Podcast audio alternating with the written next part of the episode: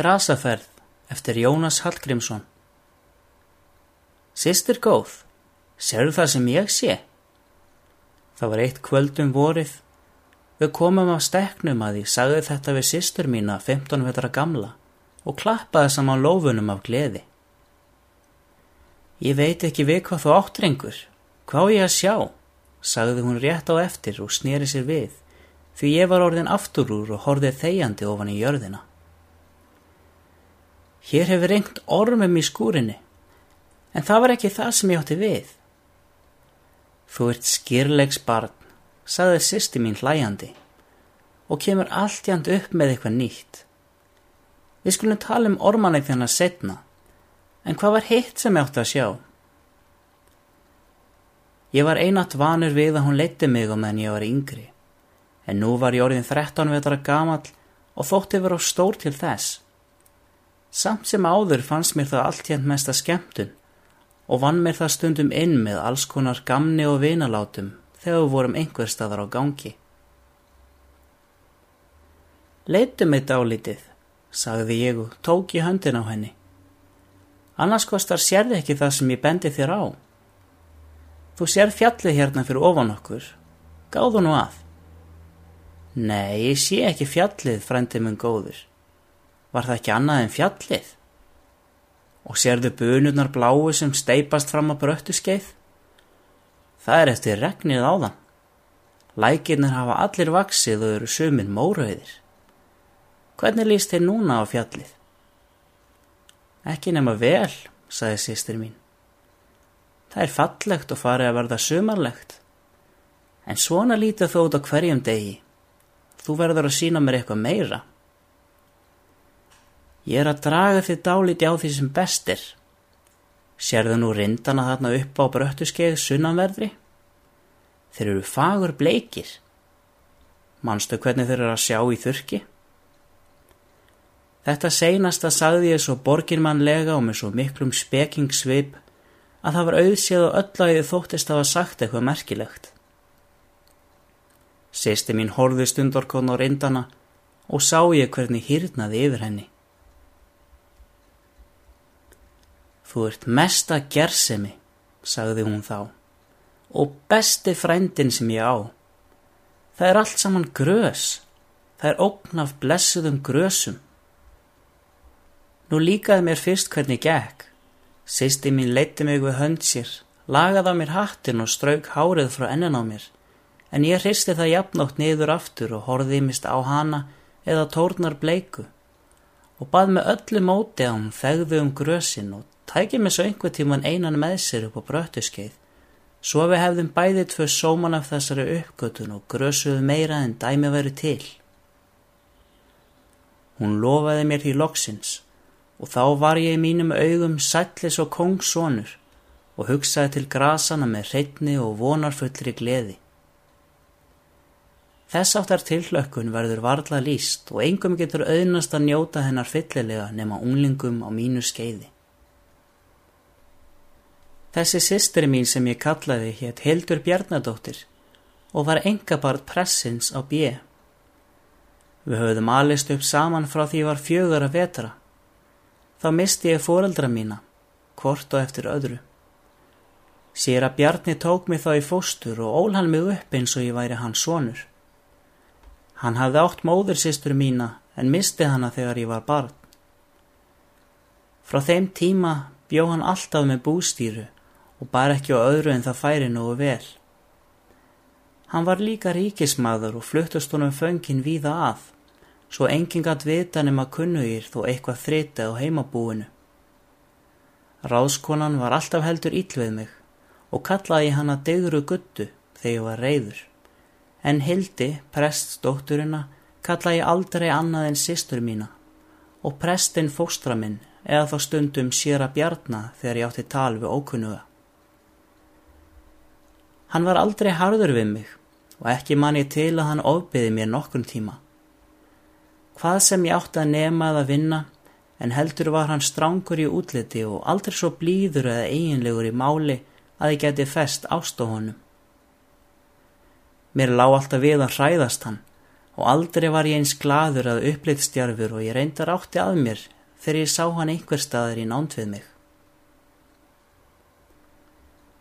Samt sem áður virti ég hann eins og hann var í fadur minn og vildi honum vel af heilum hug.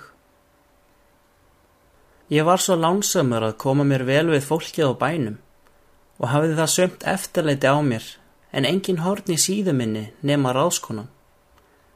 Best fjall mér samt æfinlega við hann að hildi sýstur mína og henni var ég þægari en nokkru manni öðrum á heimilinu. Það var eitt dag fyrir sláttin að ég var komin á kvíta brók og ljósbláa sokka og saumaði þá uppu um mig fyrir neðan hnið. Að ofanverðu var ég snögg klættur á grænum ból og dúk skirtu með nýlegan hatt sem ég hafði keift fyrir lamp og þótti mér það vera fallugur hattur. Svona stóð ég úti á hlaði með hárband og ljósgráan tínuboka og þar að auki var ég vel útbúin að snærum. Ég hafði tekið með mér peysuna mína blái og var að búa mig til að binda bakka úr henni og pókanum en dróð það samt og horfi heim til dyrana hvort enginn kemi út. Það leiði ekki heldur og löngu fyrir en sýster mín kom með samanbrotin tínuboka og snjókvita rósavellinga á höndunum en hverstagsbúin á öðru leiti, reynlega og létt en þó hlýtt, svo kunnugum var hægt að sjá að hún ætlaði í grasaferð. Ég kallaði til hennar og sagði, Fæ ég að bera pókan þinn, sistri góð, og leit svo um leið niður á mig, því aldrei þóttist ég hafa verið eins karlmannlegur í vexti niður meira mannsefnið að sjá en núna á kvítu brókinni. Heyra á endemi, ætli þér veiti af að bera því sjálfan, sagði digra gutta. Það situr á þér pattanum að þykjast vilja láti eins og fullotnir menn. Hún stóð rétt fyrir aftan mig og hafði ekki fyrirtekið eftir henni.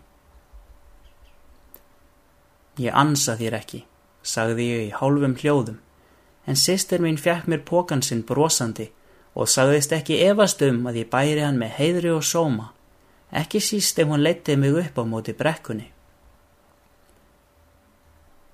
Það er alltjant léttara, ætlaði ég að segja, en digra gutta stóð við hliður á mér og brosti svo hæðnislega að ég beita á vörina og nýtti bakkan minn þegjandi. Mundu mig um það, Hildur, sagði ráðskonan, að færa mér dálitið af hellunóðra í kvöld. Hann vex nógur í fjallinu og alltjant er hann blessaðast að grasa að drekka af. Mér langaði til að svara einhverju óþægð en þorðið það ekki fyrir en ég var albúin. Ég skal muna til þín, Guðriður, saði sýstir mín. Verðið sæl öll. Og ég skal færa þér einn eða tvo skollafingur eða þá dálítið að tófugrasi, sagði ég og hljópa á stað með sama því ég vissi að dyra guttamundi á orði reið. Veðri var blíkt og reynt en ekki sá til sólar því skíadraug vorum heiminin og hramnaði austurloftið. Það var eins og sveitin hefði sniðið sér stakk eftir veðrinu. Allt var svo kyrt og blíkt yfir að líta. Túnin græn og glóði í fýblum og sólegjum. Engjarnar líka grænar, en þó nokkur ljós bleikari og sumstaðar kvítir fýfublettir. Tá hreinir eins og nýfallin snjór.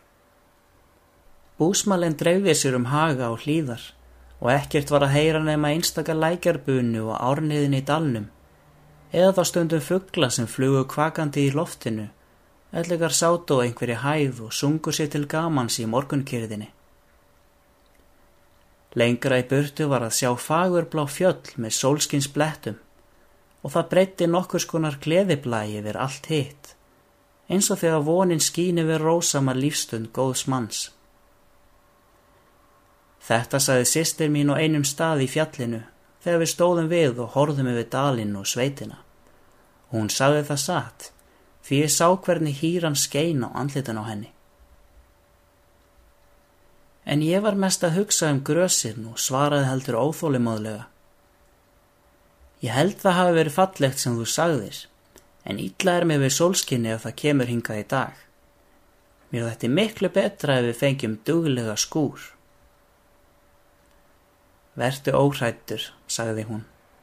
Grössin þín og bröttuskeið verða varla svo smá að við sjáum þau ekki nefn í vætu. Láttu mig nú leiða því stundarkort, litli frendi minn góður. Ég fæktist það að sönnu og tók þegjandi í höndin á henni, en illa fjall mér samt að hún skildi kalla mig litla frænda. Hún var farin að taka upp á því stundum, eftir það hún óks svo mikið yfir mig, en það var hún orðin fullhíða kvennmaður og fermt fyrir meirinn ári, en ég var barnað kalla og ekki stóra mínum aldri. Þetta vissi ég allt saman dável og sárnaði mér því heldur að hún skildi svona ósjálfort vera að minna mig á það.